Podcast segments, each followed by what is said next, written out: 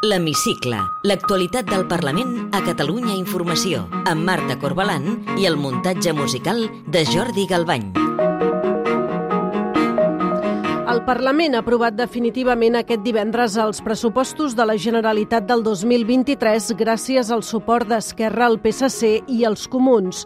L'executiu de Pere Aragonès ha aconseguit tirar endavant la llei més important del curs polític, tot i governar en minoria, i de passada ha agafat aire per al que queda de legislatura. Avui entrevistem la presidenta del grup parlamentari d'en Comú Podem, Jessica Albiach. Benvinguts a l'Hemicicle. La negociació dels pressupostos no ha estat un camí de roses per al govern de Pere Aragonès. A contracor, Esquerra ha hagut d'acceptar algunes de les condicions del PSC, com el compromís d'impulsar macroprojectes com el complex d'oci del Hard Rock, la Ronda Nord del Vallès entre Sabadell i Terrassa o l'ampliació de l'aeroport del Prat. La tramitació dels comptes també ha suposat per Esquerra un altre revés. El PSC i Junts han tombat el pla pilot per implementar la renda bàsica universal, una prestació social que el govern volia tirar endavant fos com fos. Els pressupostos per al 2023 preveuen una despesa que supera per primera vegada a la història el llistó dels 40.000 milions d'euros. La consellera d'Economia, Natàlia Mas, ha destacat que aquests pressupostos van més enllà dels reptes immediats. Són uns comptes que no només ens han de permetre atendre les necessitats immediates, sinó que també poder alçar la mirada i empènyer, com deia, aquelles transformacions necessàries de futur eh, per construir la Catalunya del futur. Aquests són els segons pressupostos del govern de Pere Aragonès i els primers des de la sortida de Junts per Catalunya de l'executiu. Un cop aprovats els pressupostos, al govern se li obre a partir d'ara un nou front, combatre la sequera. El president de la Generalitat convocarà les pròximes setmanes una cimera amb tots els grups parlamentaris per consensuar mesures urgents per afrontar l'emergència hídrica. Aragonès ha demanat que no es faci partidisme amb la sequera. Crec que seria una profunda irresponsabilitat fer una guerra de l'aigua en aquests moments, sobretot veient l'esforç que hi ha hagut en els darrers anys precisament per millorar les capacitats del sistema. Si no tinguéssim aquestes capacitats millorades, aquesta situació d'excepcionalitat l'haguessin decretat des de fa molts mesos. El líder del PSC i cap de l'oposició, Salvador Illa, ha acusat el govern de fer tard en la lluita contra la sequera.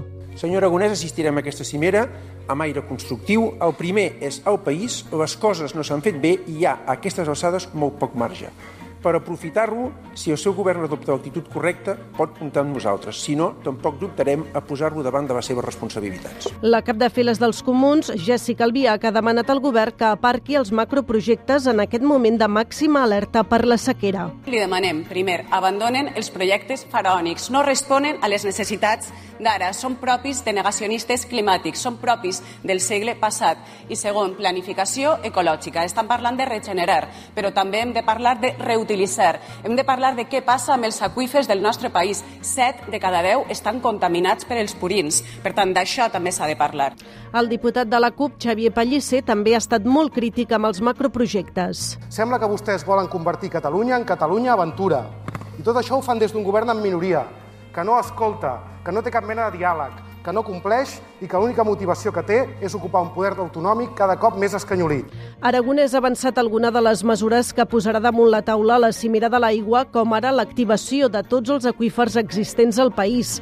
També ha concretat inversions per valor de més de 700 milions d'euros que es destinaran a la millora de les estacions d'aigua potable, una nova depuradora a la conca del Besòs i l'ampliació de la desalinitzadora de la Tordera. Junts per Catalunya ha aprofitat la sessió de control al president per demanar la celebració d'un ple monogràfic sobre educació per abordar, per exemple, mesures contra l'abandonament escolar.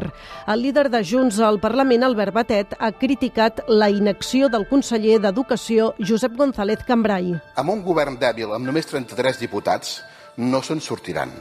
I amb el seu conseller tampoc se'n sortirà, sobretot tenint en compte els resultats de la seva gestió durant aquests dos últims anys. Per això, davant la inacció del seu conseller i del seu govern, demanem un ple monogràfic i demanem un ple monogràfic sobre temes d'educació. Les crítiques al conseller d'Educació també s'han sentit des de les files de Ciutadans. La diputada Anna Grau ha estat molt dura amb Cambrai per la gestió del cas de Sallent. Me revuelve el estómago su parsimonia, su pachorra, su no dar la cara. ¿De verdad no ha pensado ni por un minuto en dimitir? El conseller s'ha compromès a anar fins al final per aclarir el cas de Sallent i ha fet aquesta reflexió. No resoldrem el bullying només amb protocols i amb més recursos. Cal canviar la mirada i posar l'accent en la detecció. És un compromís que ens interpel·la. Té la paraula. Soc Jessica Albiach, presidenta d'en de, Comú Podem al Parlament de Catalunya. Aquesta setmana el Parlament ha aprovat definitivament els pressupostos de la Generalitat del 2023 amb el suport del seu grup i del PSC. Vostès insisteixen que gràcies en Comú Podem no hi haurà cap euro públic amb macroprojectes com el Hard Rock o la B40. Però el cert és que el govern sí que ha pactat amb el PSC que impulsarà aquests projectes i començarà a posar fil a l'agulla. Si acabessin així i es tiressin endavant, els comuns es replantejarien donar suport a uns pròxims pressupostos? A veure, és que estem parlant, primer, de la necessitat que té Catalunya de, de tindre uns pressupostos en una situació de crisi d'inflació, amb uns preus disparats a tot arreu. I jo sempre vull recordar que els pressupostos al final vol dir una millor sanitat pública, perquè en aquests pressupostos posem a Catalunya com a capdavantera com el territori de l'Estat que més diners destinarà a l'atenció primària, però també per fer el salt en renovables que ens toca, o, per exemple, començar a tindre 4.600 pisos més en el parc d'habitatge públic. Per tant, d'això estem parlant quan parlem de pressupostos. Més enllà d'això, si Esquerra Republicana que està en minoria absoluta en el govern de la Generalitat, vol pactar extrapressupostàriament altres qüestions amb el PSC, això és cosa d'ells i, evidentment, nosaltres ens oposarem, com no pot ser d'una altra manera i com hem fet sempre. Però jo crec que aquí hi ha hagut un intent per part de, del PSC per barrejar el que són pressupostos amb coses que no tenen res a veure amb els pressupostos, com és l'ampliació de l'aeroport del Prat o com és la construcció del casino més gran d'Europa al Camp de Tarragona i, evidentment, nosaltres el que hem dit és això no pot tindre diners públics, no pot tindre diners de tots els catalans i les catalanes i aquest, aquesta era la nostra línia vermella i això ho hem aconseguit. En un context de màxima preocupació per la sequera, són compatibles aquests macroprojectes amb la situació d'excepcionalitat en què es troba el país? Bueno, és que aquests macroprojectes no són compatibles amb res, no és compatible amb la vida, no és compatible amb el model productiu que volem pel nostre país, perquè no volem ser només un país de sol, platja i casinos, però és que tampoc són sostenibles des del punt de vista dels recursos. Si pensem en el Hard Rock, si pensem en el casino més gran d'Europa, aquí estaríem parlant que consumiria cada any la mateixa quantitat d'aigua que una ciutat com l'Hospitalet, que té 265.000 habitants i és la segona ciutat més poblada de Catalunya. Però és que si pensem, per exemple, en l'ampliació de l'aeroport del Prat, això serien 20 milions de turistes més cada any, a més a més dels que ja eh, venen, venen sovint. Per tant, eh, imagina't en un context, a més, de sequera greu, que no és que ho diem nosaltres, és que també ho ha decretat el govern de la Generalitat, on fins i tot perilla l'aigua de boca. Ja ens estan dient que després de l'estiu podríem tindre restriccions d'aigua de boca. Això vol dir que nosaltres, a casa nostra, quan anem a obrir l'aixeta, pot ser que tindrem hores del dia on no n'hi haurà aigua i en aquest context encara volen portar o 20 milions més de turistes o tindre el casino més gran d'Europa que consumiria tanta aigua com l'Hospitalet. És una autèntica barbaritat. Parlant de sequera, com valora les mesures que ha adoptat el govern? Bueno, jo crec que és una bona notícia per un costat que el president estiga parlant de la celebració d'una cimera de l'aigua, perquè el que és important és que pensem que això no només va de pedassos, això va de planificar ecològicament. Per què dic això? Doncs perquè aquesta sequera que estem patint ara és més greu que la que ja vam viure al 2008. Portem més mesos, gairebé crec que són 29 mesos, sense que ploga lo suficient. Ara, què ens està ajudant, què ens està salvant? La política hídrica que es va fer eh, en el seu moment, en el 2008, el, el govern de llavors, com per exemple la desalinitzadora del Prat. Per tant, és important que ara no només prenguem mesures restrictives, sinó que també planifiquem ecològicament cap a on volem anar. I aquí nosaltres sí que posarem especial incidència no només en regenerar aigua, sinó també en la reutilització, en tota la pedagogia que s'ha de fer a la ciutadania, però també pensar en aquelles actuacions que s'han de fer des del govern.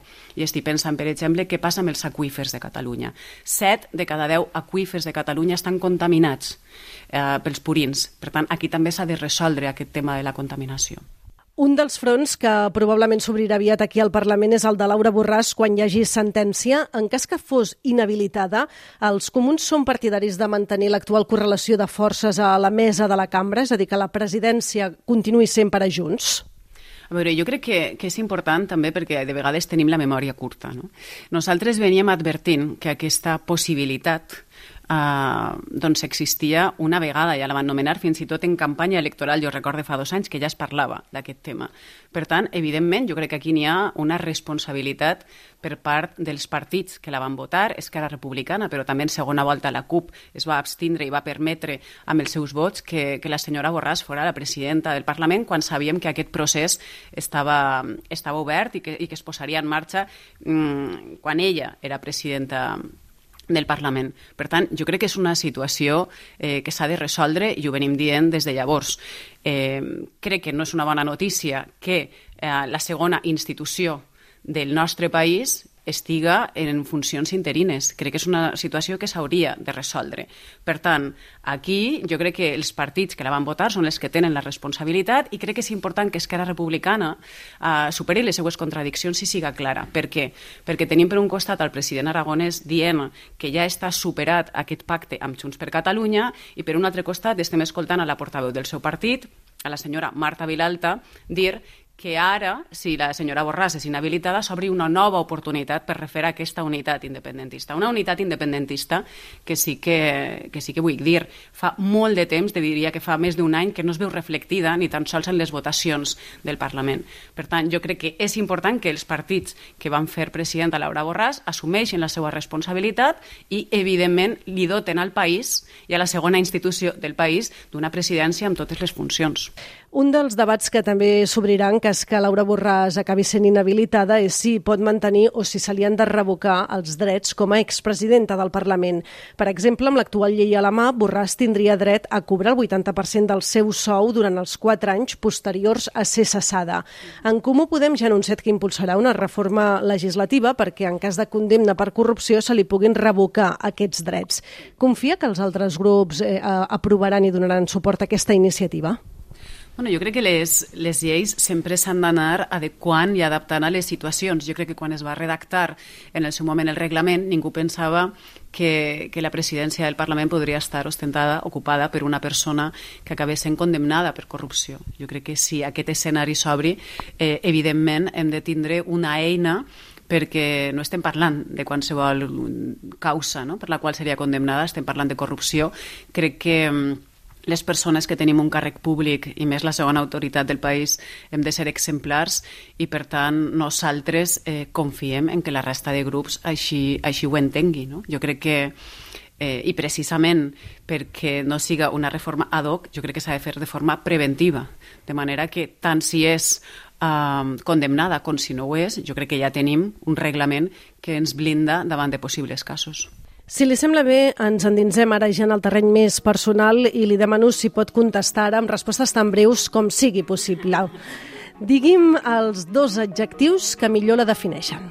Exigent i autoexigent, perquè és cert que, que m'agraden les coses ben fetes i, i bueno, no? sempre crec que es poden fer més coses i millor i per tant aquest seria un i després l'altre eh, sí que és cert que, que la gent quan me coneix eh, personalment sempre em diu oh, pensava que eres molt més seriosa, no? perquè clar, és normal, te veuen fent la feina d'oposició i sempre sembla que estàs emprenyada, però sempre em diu ets, ets molt més simpàtica, més riallera. Jo dic, bueno, no ho sé. Quin diputat o diputada ideologia a banda fitxaria per al seu grup? Mm, m'agrada mm, molt el, la gent Díaz, per exemple, d'Esquerra Republicana. Té algun paisatge favorit? Bueno, jo sóc una enamorada del Delta de l'Ebre. Què acostuma a fer per desconnectar de la política? La veritat és que vaig canviant segons l'època, eh, però ara ara estic bastant amb el dibuix. I què dibuixa, si es pot saber? Quin tipus de dibuix fa? Bueno, ara estic amb les aquarel·les.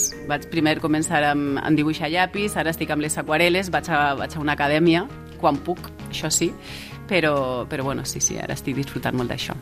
I ja per acabar, completi aquesta frase. El que més m'agradaria del món és... Doncs uh, aquesta setmana precisament del 8M eh, m'encantaria, evidentment, voldria que s'acabaren les violències masclistes i evidentment que aturarem el, el feixisme. Jessica Albiach, presidenta del grup parlamentari d'en Comú Podem, gràcies per atendre'ns a l'hemicicle de Catalunya Informació. Moltes gràcies a vosaltres. Podeu tornar a escoltar l'hemicicle al web catradio.cat barra hemicicle o al podcast del programa i seguir l'actualitat del Parlament al perfil de Twitter arroba L-hemicicle.